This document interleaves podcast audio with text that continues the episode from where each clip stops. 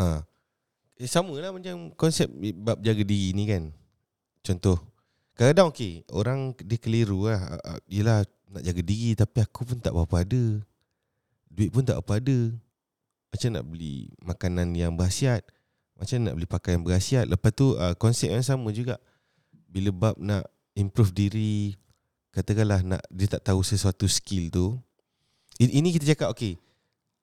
Uh, antara semangat dengan skill benda tu berbeza, betul tak?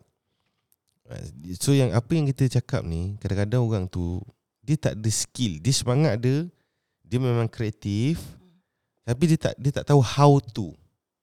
Ha, jadi kadang-kadang bila dia jumpa ada katakanlah ada orang tu buat servis uh, ajar untuk seseorang tu tentang sesuatu skill.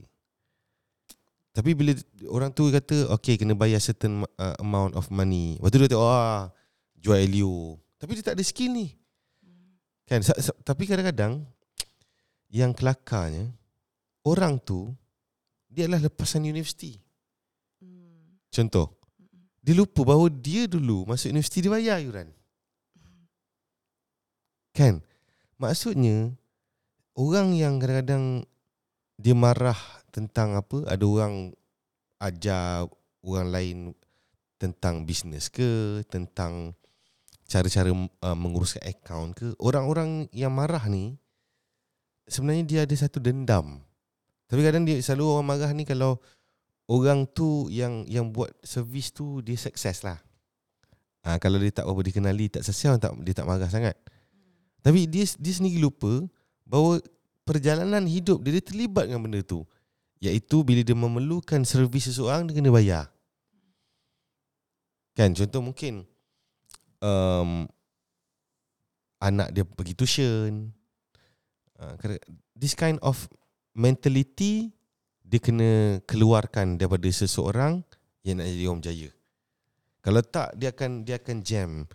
Lain tu kadang-kadang kita bukanlah nak promote sifu ke mentor bukan. Kan? Tapi kita nak nak bincang tentang untuk membawa orang kepada satu pemikiran yang positif untuk melihat uh, hidup ni okay, kenapa ramai orang katakanlah dia marah? Oh sifu jual Ilio kenapa dia marah? Kalau tanya kenapa kau marah dengan dia ni? Sebab apa tau? Sebab semua orang marah dia. Kenapa kau marah orang orang ni buat macam ni? Sebab semua orang marah. Tapi dia sendiri tak tahu sebab apa sama juga dalam hidup ni bila datang satu undang-undang semua orang kena buat macam ni semua orang ikut tanpa dia tahu sebab apa aku buat benda ni jadi ini yang berlaku dalam masyarakat kita ram, majoriti orang mengikuti sesuatu perkara tu membuta tuli. Tapi kalau dia ikut sebab dia sendiri study tentang suatu perkara tu dan dia buat decision. Ha, ini kita tak kisah. Tak kisah dia pilih decision dia belah kanan ke belah kiri, itu terpulang. Cuma yang menyedihkan kadang-kadang dalam masyarakat kita ni, orang yang buat decision bukan based on dia punya pemikiran. Tetapi based on apa yang orang lain buat. Ha, ini bahaya. Sama bila dia ada satu mindset ni, samalah bila buat bisnes pun kenapa buat bisnes? Sebab orang cakap kalau nak berjaya kena buat bisnes. Nampak? Bukan dia sendiri kena tahu tentang diri dia. Ha, so apa uh, pandangan mungkin sepatah dua kata. Bagi saya macam tu lah. Dia, uh, roots dia, orang tu mestilah dia kena fikir loh kenapa dia nak buat satu benda. Kalau dia tak suka satu suka satu benda, sebab apa dia tak suka benda tu?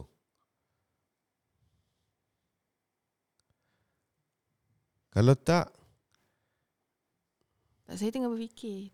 uh, Sebab tadi ni kita kan masuk tiba-tiba kan. Ha. So dia orang pun tak tahu hujung tak pangkal kat mana. tak kan. apa fikir lah ni saya saya cakap je lah Ah. apa ni saya punya In, in investing in untuk diri sendiri tu hmm, tak semua orang faham konsep invest. Maksudnya untuk dapatkan sekian-sekian you are willing to invest dulu then only you'll get something bigger.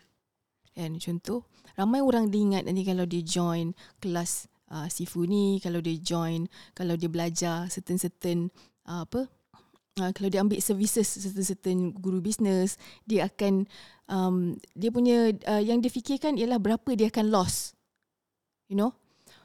So instead of thinking that okay, uh, um, bayar certain certain amount so that you berpeluang untuk earn more. Kan? Dia lebih kepada fikir akan duit tu akan kurang.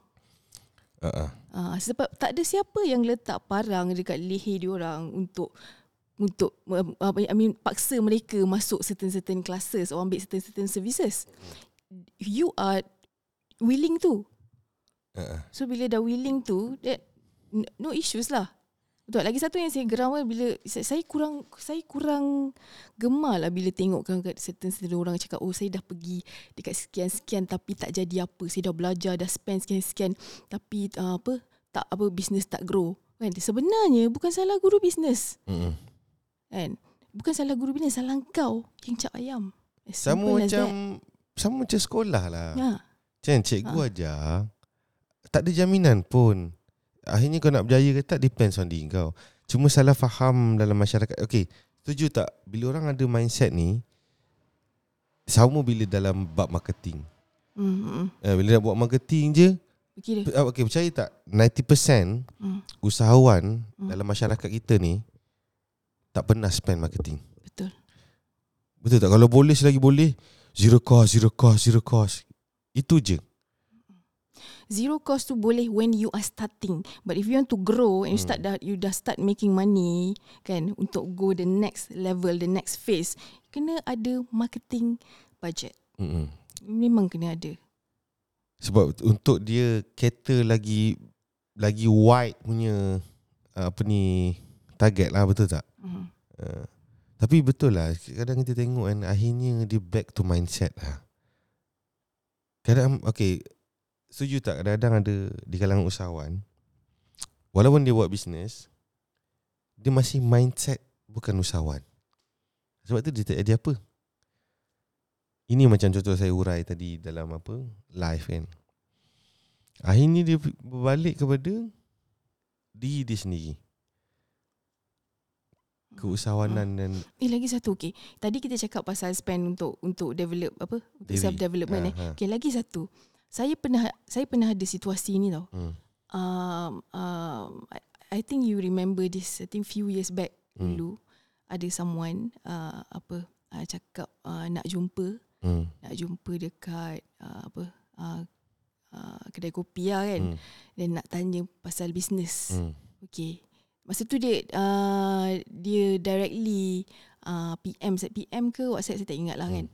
And then uh, saya cakap um, okay tapi ya apa you belanja akak lah macam tu kan. Saya Ah. bahasakan diri saya kakak.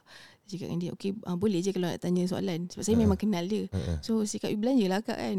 Uh, and um, the thing yang saya was unexpectedly dia jawab apa tau tapi saya belum gaji lagi. Faham tak? Hmm. Kau dah lah nak minta advice. Hmm. Hmm. Kau nak networking dengan aku. Kau not even willing to pay a cup of coffee for me. Hmm, kesian. Nampak tak? Ha, Macam mana dia boleh berkira dengan uh, a, a cup of coffee punya cost Hmm. and then the same time dia expect saya share Hmm. dan nak tanya soalan bisnes dekat saya. Hmm, betul. Ini mindset tak tahu apa Macam konsep eh? ah. Memang ramai Dulu kan Dulu kan um, Masa Masa I mean uh, Masa saya dealing dengan Apa uh, Luxury punya lain. Database eh Hmm. Untuk dapatkan networking kan Hmm. Um, Saya ada Apa Budget Untuk Apa Untuk uh, Entertain client tau Oh memang dah dia dah set eh khas. Yes So means that Kalau contoh Okay sekian-sekian nama dia Siapa Hmm. uh, Apa uh, Datin Isbah contohnya kan Hmm. Okay Masa dia birthday Saya akan hantarkan something cake or whatever Hmm. Ah, it, that is the cost untuk Nak jaga networking. yes networking tu. Hmm. Tapi Faham mm itulah sebab tu kadang-kadang contohlah okey bayangkan benda-benda kecilnya ni sebenarnya common sense ke perlu diajar? Common sense. Common sense. So kalau orang tu tidak ada Mm. common sense tentang perkara sekecil ini lalu bagaimanakah dia boleh mengharapkan dia akan jadi seorang yang berjaya? Kejayaan sangat jauh untuk dia. Simple je. Ha, tu, jadi saya tak tahulah. Saya tak tahulah makin makin hari makin tahun kan. Saya punya pemahaman ni kan dia lebih lebih wide tau. Lebih wide, lebih besar, lebih nampak apa ni segala perkara terutamanya bab manusia ni saya lebih jelas. Jadi bila saya faham tentang benda ni jadi saya tak tak payah waste energy untuk change people, untuk menggalakkan orang jadi usahawan and tak ada, tak ada no such thing lah. Betul. Ini, uh, ini lagi satu kan. Um, saya kurang kurang setuju saya tengok kan um, anak-anak muda yang dia belum uh, apa cakap um, while you while your saving is very little Hmm. jangan fikir untuk save saja use this the the money Hmm. to invest and reinvest invest in yourself dulu Hmm. barulah saving tu boleh beranak Uh-uh. Kan contoh ah dia dia kumpul duit, dia kumpul duit dekat dalam saving dia dia kumpul sikit-sikit sikit. Dia, dia dia ni berniaga eh, kumpul sikit-sikit sikit. Okey dalam akaun dia ada seribu. Uh. Kan. While while uh, kumpul uh, seribu tu atau seribu dua ribu lah dia, while kumpul that that money Hmm. dia uh, sacrifice benda-benda macam penjagaan wajah, Uh. benda-benda macam apa? Uh, uh, untuk dapatkan makanan yang bagus Hmm. uh, and then untuk cost of apa uh, networking kan Hmm. untuk untuk bernetworking semua kan Hmm. so dia sacrifice benda tu semata-mata nak simpan seribu so that 1000 Hmm. akan jadi 1000 for quite some time lah Mm-mm. Faham tak? Macam mana dia nak beranak? Cuba ambil pendekatan that that 1000 kan. Let, let's say dia sayang sangat nak keluar saving yang dia kumpul sama 300 tahun tu. Mm-mm. Take out 800. Simpanlah 200 tu. 800 tu reinvest balik. Reinvest balik barulah benda tu boleh beranak lagi from 1000 jadi 10, from 10 jadi 20. Hmm. Betul mindset Perasan tu tak? Hmm, betul. Betul. Lagi satu um, Yelah lagi kalau dia tu baru nak start kan Dari segi pemakaian dia Ah, uh, kan tak nak invest dekat pemakaian dia. Saya ada teringat satu benda tadi. Siapa? Tapi dah call tak? Ha? Nak buat call? Tak ada calon lah siapa nak call. Uh, tak apa kita kita bual dulu dua dulu lah. Okay. Kita sebenarnya santai-santai je ni. Uh, itu yang perkara yang pertama lah guys kepada kawan-kawan yang mendengar podcast ni. Sa- Simple je kau, kau, kau korang ingat ni pasak dalam minda sampai bila-bila. Okay. Kalau tak sanggup spend reinvest untuk diri kan? Jadi sampai bila-bila korang takkan improve lah banyak perkara. Kita sepatutnya kita gunakan duit yang kita berjaya jana tu kan? Untuk first kali invest untuk diri kita sendiri. Itu paling mustahak. Eh, bukan invest benda-benda yang luar daripada diri kita. Diri kita dulu. Tak bukan saya nak cakap beli baju je berjenama bukan even benda-benda yang yang yang basic katakanlah pencuci wajah kan. Kalau dia dah dah start dah rasa okey macam okey contoh dia kata ah, buat apa beli pencuci wajah yang mahal-mahal? Beli biasa dah okey nampak? Dia nak diri dia jadi luar biasa tapi dia always nak cari benda yang biasa-biasa. Tapi memang korang kena faham ni guys. Benda-benda yang murah memang disasarkan untuk orang yang biasa-biasa Bet- tapi betul setiap produk yang dicipta di pasaran uh, dia ada niche dia. uh, uh. So um the apa there is a reason kenapa harga dia sekian-sekian Hmm, you know. Um the ingredient yang digunakan. Bahan lah uh, and then dari negara mana it comes from kan. So uh, itu apa uh, dari situlah dia punya harga jadi sekian-sekian. Because bukan simply macam uh, kita boleh tengok uh, dari segi pa- packaging kan. Uh, packaging and then um, ingredient ni semua Mm-mm. you know so kita tak boleh compare murah dengan mahal dia adalah perbanding perbandingan yang dangkal Mm-mm. Ah betul lah satu ramai Ah. orang kadang buat perbandingan tu kan. uh, Alah buat apa pakai apa origin contoh uh, kan pakai jenama ni local brand dah okey. Ha faham. Lagi-lagi kalau dia tu memang usahawan kan dia sendiri pun faham tentang okey bila aku nak jual barang aku nak target orang-orang yang income dia macam ni jadi ingredient macam mana yang boleh Okey cover lagi satu cost saya ni. nak saya nak ajar eh. Hmm. Ini tips ni siapa yang dengar podcast ni dia memang Dia memang luck lah. Okay. Okay, saya nak ajar. Ini untuk mereka-mereka yang uh, berkecimpung dalam dunia yang uh, jual insurans, Ha. uh, hartanah, Hmm. uh, Kewangan. kewangan, uh, apa apa apa lagi eh? Hartanah, insurans, kewangan, apa lagi? Konsultan lah. Uh, consultancy yang Hmm. yang target yang target mereka adalah high end. Ah, okay. Bagaimana mencipta persamaan? First Hmm. of all, memang you have to invest in your look, Hmm. what you wear, uh, what you wear, and then even dari dari sudut uh, apa, how you smell, Hmm. Ba- barulah ada persamaan. Macam mana you nak mendekati circle-circle yang you nak target tu, Hmm. which is the high end, apa high end punya niche kan? Hmm. Is you have to dress like them. Hmm. Betul? Uh, Yes. Itulah repo. yeah. Kan persamaan.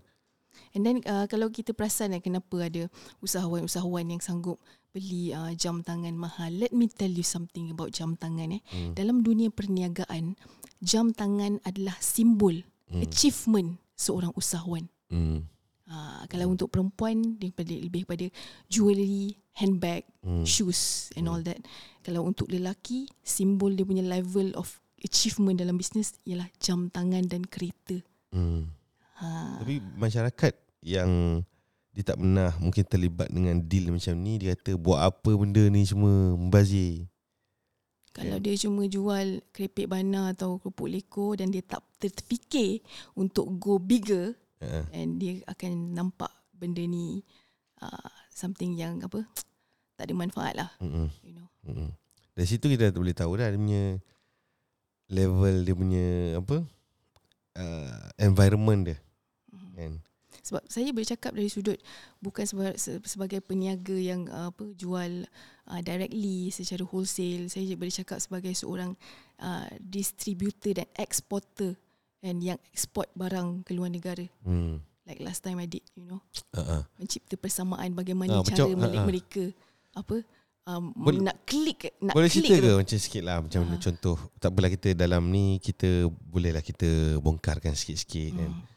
Sikit lah. uh, Contoh untuk, untuk makluman uh, Mrs. Walter Dan Walter ni uh, Dia saya beritahu lah okay, Dalam live kita tak ada Kita jarang lah cakap benda ni dalam podcast kan So kami masing-masing handal Kami masing-masing um, uh, Hebat uh, Masing-masing punya lapangan kan So macam Mr. Walter dia ada pengalaman uh, ekspor sehingga ke apa mana? South Africa. South Africa. Okay.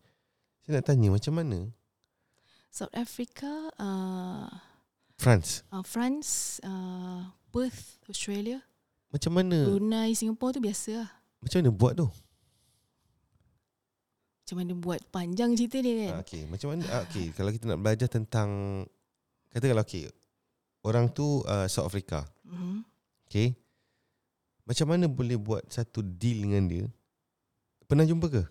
Tak kita communicate uh, secara alam maya. ha, macam mana boleh buat satu apa ni deal yang macam mana boleh convince dia walaupun tak jumpa? Okay, first of all, um, deal yang melalui online Hmm. uh, adalah melalui trust Ha. di media sosial tersebut. I mean you of course you tak boleh expect you close something yang bigger bila you punya page cuma ada follower 100 atau 200. Ha. You know we are talking about follower yang 500k above. And then kita juga tengok engage, engagement setiap posting kita itu adalah trust sebenarnya. Asalnya It is dia, very dia, dia important. bermula dengan trust lah. Yes, it is very important to to make sure page business page kita alive. Hmm. Ha, kadang-kadang orang kata eh buat apa ada page pakai personal ada sebabnya tapi benda ni kita tak boleh bongkarkan dekat sini. ada banyak sebenarnya kenapa kena guna business page. hmm. Betul. Tapi benda ni kita nantilah kita kita tengoklah bila waktu yang sesuai untuk orang-orang tertentu sahaja mungkin hari kantin is Buckingham mungkin kita bongkarkan. Ah, so- Tapi untuk untuk untuk public uh, saya tak boleh dedahkan benda ni. Ada banyak sebenarnya rahsia-rahsia kerajaan ni Buckingham. Uh, sebenarnya untuk makluman macam kami ada banyak benda lagi belum belum share dan kadang-kadang dalam live ada ba- banyak benda yang tak sesuai. Betul. Yang pertama mungkin orang kita punya audience tu mungkin dia level eh, start up. Kan, Ada banyak benda yang yang big tak apa sesuai untuk kita Mm. expose kepada dia orang kan. Sebab no point. Mm. Betul tak? Bukan Betul. bukan kita pandang rendah tak. Mm. No Dia point. dia ada fasa dia. Ha, buat buat apa tahu satu benda. Mhm. Contoh okey. Sekarang Mm. even dalam page kita pun ramai tanya. Mm. Uh, apa pandangan tuan tentang uh, trade, Bitcoin, forex Tak, Ataupun- boleh ke saya komen sikit pasal ataupun ada yang cakap uh, saya saya saya ni je, saya trade je, saya tak payah ni ni? apa. Saya Okey. nak saya nak komen sikit je tapi saya tak nak cakap banyak. Hmm. Eh, sebab saya tahu mungkin ada traders di dalam ni yang mendengar. Ah, okay, um, uh, first of all, uh, I am a trader myself. hmm, Okay, saya trade untuk diri saya dari duit saya. Hmm. Okay, I don't trade for other people. ah, Um, this is my advice untuk mereka-mereka yang baru nak trade. hmm. Kalau duit tak banyak mana, tak payah main game ni. I'm sorry to say. I'm sorry to say. Dia macam ni. Kalau kau cuma ada RM5,000 dan itu adalah satu-satunya simpanan kau, just keep it. Mm-mm. Letak dalam ASB. Tapi apabila kau dah sampai tahap ASB kau dah penuh, ASB 2 kau pun dah penuh, Hmm, dah tak ada lagi tempat yang kau nak letak, hmm, semua dah ada, okay? Then sim, uh, simpanan kau pun dah, dah kira macam ya, dia macam ni. If you want to invest some uh, some some money Hmm. kan nak main game-game trading ni, you you have to aware that uh, it comes with a risk. hmm. So simple je sebenarnya sebenarnya I would I would rules suggest of investment Ah. adalah we only invest kan money that we extra. yes extra Yes. yang kita willing to lose. Yes. Bukan itu je duit yang kita Dan ada. dan lagi bukan satu bukan willing to lose saja. Okay, ken, kenapa ram, ramai orang uh, macam saya tengok even dekat grup ramai yang cepat gelabah hmm. when something hap- happen to to to the market. Hmm. Sebab itu sajalah duit yang dia ada. So sikit-sikit macam uh, apa macam rasa macam tak senang duduk, faham tak? Orang yang tak senang duduk sebab memikirkan nasib wang itu. Mm-mm. Uh, so um, my advice is um, focus on investing in yourself dulu. Hmm. Betul tak? Uh-uh. Uh, Ni- sebab ini- kita ada juga kita ada juga kan your your team yang berhenti meniaga sebab dia nak trading kan. Ah, Berapa betul. modal dia? 1800. Oh my god, like seriously. Kesian. Itulah apa saya dengar pun jam je tapi lah orang manusia kita tak boleh paksa kan. Tapi bila pergi macam dia ingat macam uh, okay aku cuba berniaga kan tak boleh cari jalan senang lah. Kan boleh uh, trade lah. Letak duit, tunggu baca, belajar baca ni, belajar skill, belajar ni, mingle around dengan ni semua. Tapi akhirnya kalau duit tak berapa ada sebenarnya tak akan jadi apalah. Okay betul. Okay dalam bisnes pula macam mana? Kalau orang buat bisnes tanpa ada duit macam mana? Macam mana buat bisnes? Buat bisnes Hmm. tanpa tanpa menggunakan duit. Berapa besar boleh pergi? Oh, okay. Untuk growing eh. Ya, ya. ah. Untuk growing memang tak boleh pergi lah. Ha. Dia macam ni. Kita, saya guna konsep. If you want to make 1 million, you are will you must have uh, apa a willingness to burn 10% dulu Hmm. for marketing. Itu rules dia. Eh kadang-kadang dengar kan orang cakap macam mana nak buat 1 juta, macam mana nak buat 1 juta betul tak? Kau are you willing to spend 100k for marketing? Hmm. If you are not, don't even think about it. Itu Ni nak keluar iklan 10,000 bang menggigil nak cerita pasal nak nak sejuta. itu mana? itu itu baru marketing belum cerita pasal packaging. Ah betul. Ah yes. Kita spend a lot. Pa- Wait, packaging, photoshoot. Hmm. Photoshoot ambil pakai handphone sendiri. Ah, betul. Apa yang kau harapkan? Ah, wow, tak? Hmm, Tapi dia nampak macam oh, tak apa guna apa yang ada. Betul untuk start betul. Hmm, hmm. Tapi guys, korang kena faham ni sebenarnya kan. Even dalam live tu saya tanya, apa masalah utama kau dalam bisnes? Tak ada duit, tak ada duit, tak ada duit kan nampak?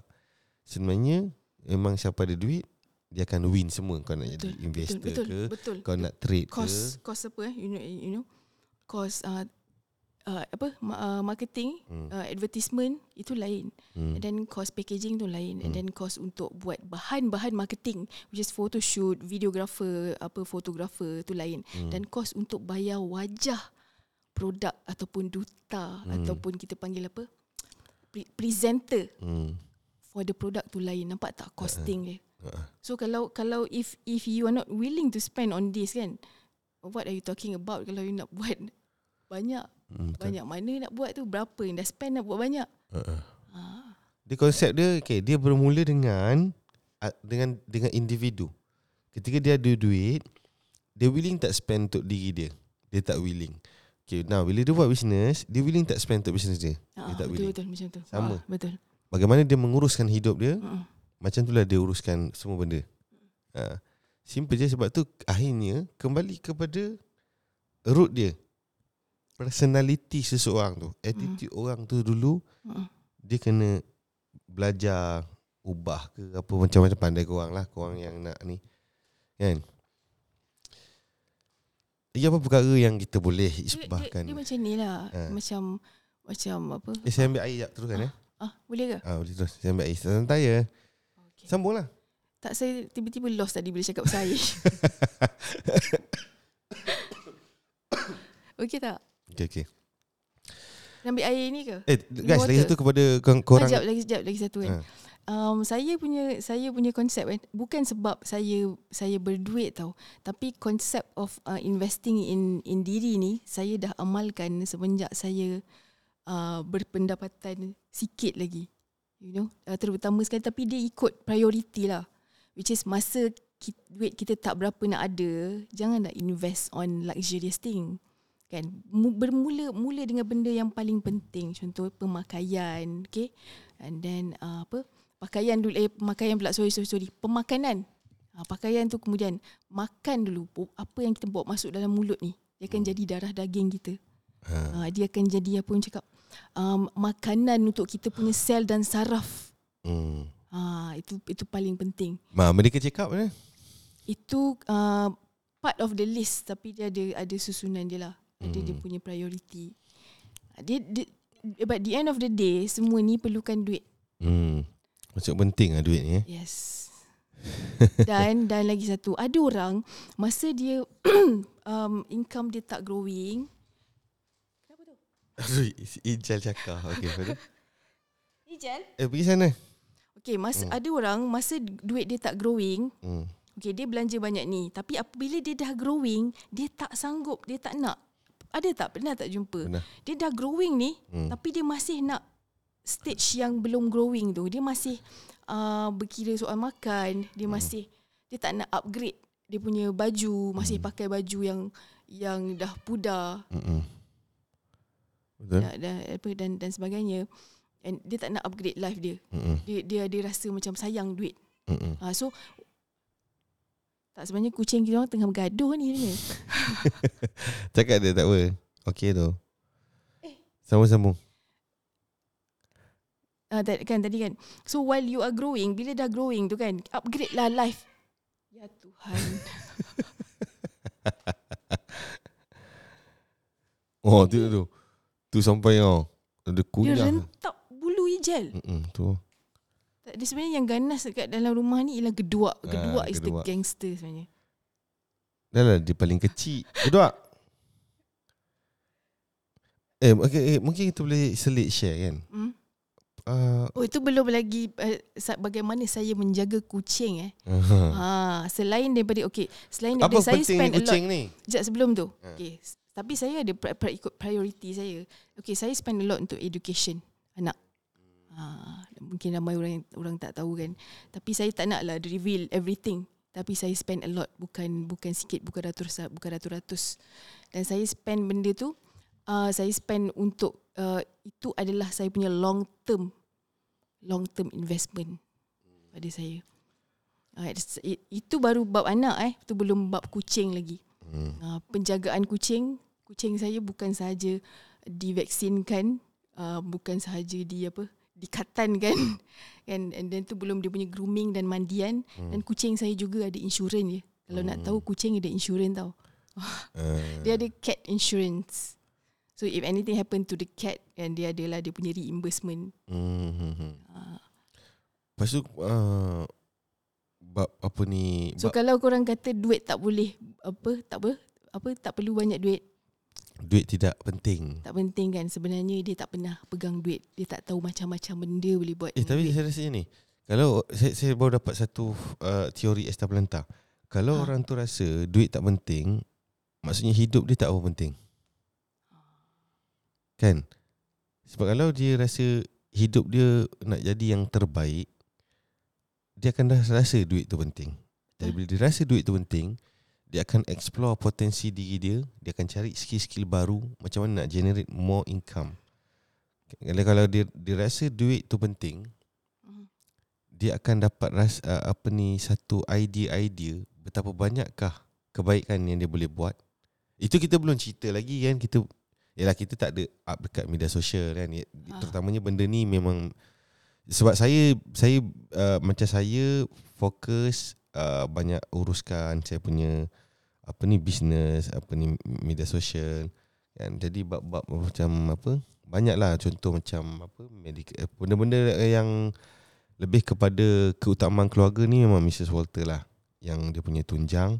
Lepas tu bab ni eh, CSR kan. Tahu-tahu je tiba-tiba Sampai ni One set Satu set Barang dapur uh, Ah, CSR Tu kita buat baik tu Apa, ni Belikan barang-barang isbah tu CSR tu apa?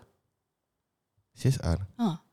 Eh bukan CSR Sedekah Sedekah Ah, cakap lah I was thinking CSR.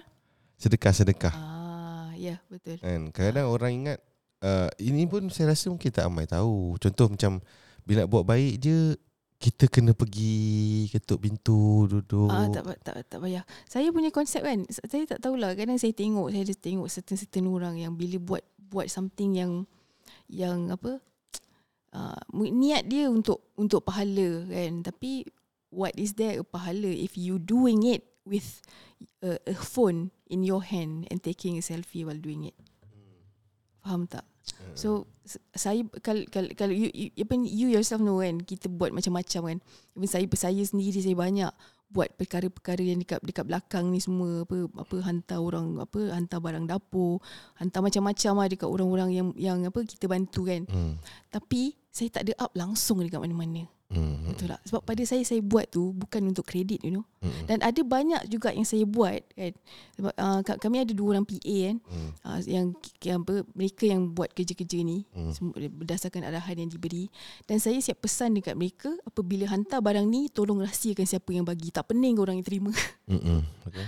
uh, because um, um, kita pun bu- bukan buat untuk kredit I Mm-mm. mean um, I I don't think that uh, apa perlu ke buat sesuatu kebaikan um, dan diwar-warkan pada saya satu tak perlu kalau kita buat itu ikhlas keduanya jagalah air muka dan sensitiviti orang yang menerima Ah. Ah, yang ni ramai benar tak. tak terfikir Ah, betul. ha. Ni kadang-kadang hantar bantuan pergi ambil gambar anak orang tu, orang yang terima tu semua, faham tak? Hmm. Man, di mana maruah mereka? Ah, ah. Kan? Kita nak tolong, kita tolong dan tak perlu record. Hmm. Kan? Hmm, Betul. Itulah sekarang ni banyak perkara macam-macam. Tapi kita kami kongsi ni supaya ada idea lah untuk kalau korang nak mungkin dah buat pun kan. Mungkin itu itu pun in, part of investment, investment untuk akhirat. Ah, ah, betul. Mungkin ada yang tak pernah terfikir kan untuk buat macam ni. Eh, Simple je kadang-kadang uh, ingat tak contoh kita pernah apa? Yang mana? Sebuah tu pernah yang seorang peniaga kedai runcit apa nama Baharum apa nama dia. Ah. Ah, uh, sampai dia pun selit juga ingat tak? Oh, lepas yang dekat Tiba-tiba kita walaupun tak pernah jumpa, dekat tiba- Teluk Panglima Garang ke apa? Lepas tu ada Jauh- memang jauh kedai dia. uh, tiba-tiba ada networking ah. kan. Lepas tu orang kata, "Eh, saya pun nak selit juga." Dia pun ah. nak selit buat baik. Tapi okey. Actually dia tu saya kenal dia dekat Shopee ke kat mana. And then eh bukan dekat Shopee dekat marketplace dia buat live, dia buat live jual bundle. Ha. And then dia bu- baru buka kedai runcit. Ah. Tapi kedai runcit dia ni jauh tau. Eh, eh, saya tak ingat Teluk Panglima Garang ke apa nama Kuala Selangor ke apa. Ah. So dia baru buka kedai runcit. So saya tanya dia apa barang yang ada. So Hmm. tengok-tengok-tengok oh dia ada dia ada dia ada banyak stok beras Faiza. Hmm. So saya cakap dengan dia okey, ah, nak berapa banyak banyak Hmm. Cakap Lepas tu tolong arrangekan sekali delivery dekat, dekat sekian sekian sekian Saya bagilah berapa 20 alamat dekat dia kan Lepas tu dia arrangekan sekali and then dia masa tu baru buka kedai. Hmm. So dia kata dia nak ambil keberkatan dia pun nak join sama projek ni so dia nak letak sikit barang-barang lah. Hmm. Macam tepung-tepung apa gula semua kan. Hmm. So dia cakap apa up to you lah. Buatlah I mean apa um if you rasa you nak nak join just just do, it lah. Buatlah sama-sama. Uh, so dari situ kita dapat networking while while doing a good deeds kita dapat networking uh, usahawan juga. Mm-mm. Macam tu lah. Itulah bab networking ni pun tak ramai orang terutamanya usahawan lah networking ni tak ramai orang nak betul-betul apa jaga. Kan sebab dunia bisnes ni kecil je. Pusing-pusing kan one single day kita jumpa balik. Ha. So mungkin ada perkara lagi Dah berapa lama kita cakap? 35. 35 minit. Sesi podcast. Banyak perkara apa? Hari tu saya nampak apa nama dia Muhammad Syafiq ke apa nama dia. Ha. Dia kata apa ni uh, uh, Tuan Nazri dekat live je suara kuat eh. Ha. Uh, Apa maksud? Agaknya sebab dia kata podcast mungkin uh, podcast suara apa perlahan. Ha. Tapi podcast, podcast ni memang kita punya rutin malam. So bila malam ni nak nak cakap dekat uh, secara apa kuat macam tu memang tak sesuai lah di, di kala kita nak recording this kan Hmm, hmm. untuk apa untuk podcast Hmm, uh, audience dia lain. Ha. Uh, Ha, dari satu tak boleh tak sesuai suara tinggi-tinggi sebab benda ni kalau orang pasal naik kereta kan. uh, betul. Takut, takut ada yang terkejut lah. Okey, lagi satu um, lagi satu memang kami, rutin kami memang sebenarnya ada banyak-banyak benda yang kita tanpa kita rekod memang inilah rutin kita. Kita banyak apa? Banyak berhujah, banyak banyak, cakap pasal perkara macam ni lah. Perbincangan kan, pemikiran. Kita tak ada banyak perkara-perkara yang Emosi. Ah, emosi apa benda kita tak ada sangat masa buat buat benda macam tu lah. Mungkin sebab tu kita banyak Sebab progress uh, lah dalam um, hidup. saya tengok eh, saya tengok dekat even your circle even apa Hmm. ada juga my my circle Hmm. yang kita tengok yang yang jenis apa pasangan yang suka ulang-ulang ungkit bergaduh ulang-ulang ungkit bergaduh punca dia sebab tak ingat anniversary you know and uh, for your information our last anniversary saya tak ingat Azri Walter pun tak ingat kita Mm-mm. dua-dua tak ingat what happened was uh, adik saya sebab dia ingat kan majlis uh, punya uh, date. So dia WhatsApp saya happy anniversary kak. Lepas tu cakap, "Hah? Anniversary siapa?" tak the, the thing is apabila hidup kita banyak benda yang kita nak fikir kan. So kita akan lupa untuk ingat perkara-perkara yang uh, kita saya bukan nak cakap benda tu unnecessary. So maksud saya ialah it is okay to forget. Kalau terlupa tak ada masalah, tak ada isu. Hmm. Because apa saya pun terlupa, di- dia pun terlupa. So waktu tu kita dah teringat. So okay lah kita celebrate lah kita buat nasi goreng kita makan berdua dekat balcony. So I mean that's the moment. I mean betul tak? Uh, Ha. uh, uh, Betul tak? Kadang, kadang ada perkara yang apabila berlaku um, dia jadi besar apabila dua pihak um, dua pihak dia macam macam mana cakap dua pihak tak nak mengalah and then ungkit ulang ungkit ulang ungkit ulang sampai bila pun tak habis. Hmm. Sebab tu Ah. hidup tak produktif sangat lah. Tak ada satu tak ada masa untuk belajar ilmu baru. Kan kedua tak ada benda yang semakin improve sama macam tu. saya saya lately ni saya banyak cakap pasal benda ni kan. Benda tentang apa? Sebab ramai orang dia dia contohlah masalah keuangan kan. Tapi itulah kadang bila tengok balik ada masalah keuangan tapi ada banyak masa benda-benda ropol ni itu yang pening tu kadang tengok. Kan dia terlalu banyak energy dia tu. Okey, lagi satu tadi. Bab last lah last. Bab ni apa? Like attract like. ah. Bila katakan macam contoh memang nak nak buat baik kan. Hmm. Terjumpa pun orang tu pun dia Ah, orang baik. Awak. Ya, betul. Dia pun rasa nak selit juga. Mm, mm. Mungkin ada pengalaman ke Mungkin pernah pergi travel uh, Pengalaman travel terjumpa orang Orang macam Ah, ah, ah betul betul. Ah. Dulu uh, ma- masa saya rajin travel dulu sebelum wujudnya COVID. Hmm. Sebelum Solo travel, eh. wujudnya COVID-19. Mrs. Walter dia memang solo travel. Aha, um, um, saya dengar ramai ba- banyak lah kata-kata di belakang kan. Kata-kata yang kat depan direct pun cakap, eh tak takut ke pergi negara sekian-sekian? Eh Hmm. negara tu bukan bahaya ke perempuan Hmm. pergi kan? Lepas tu macam, uh, apa, even ada yang cakap apa tau bi- bila dia orang tanya, eh kat mana tempat best pergi kan? So saya advise lah cakap, eh cuba why don't you try here and here and here? So dia cakap apa tau? Oh, saya uh, saya tak pergilah negara-negara tu. Dia kata dia kata dia skip for belagak. Dia kata dia pergi Europe saja. Mm-hmm. Rasa macam nak kaki je kan. that, that, the thing is wherever you go, you will attract the same people like you.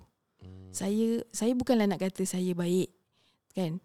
Apabila your your mindset, your your mind selalu beranggapan negatif dan ada apa skeptical terhadap orang sekian-sekian oh, orang ni jahat ke negara tu hati-hati ada banyak scammer.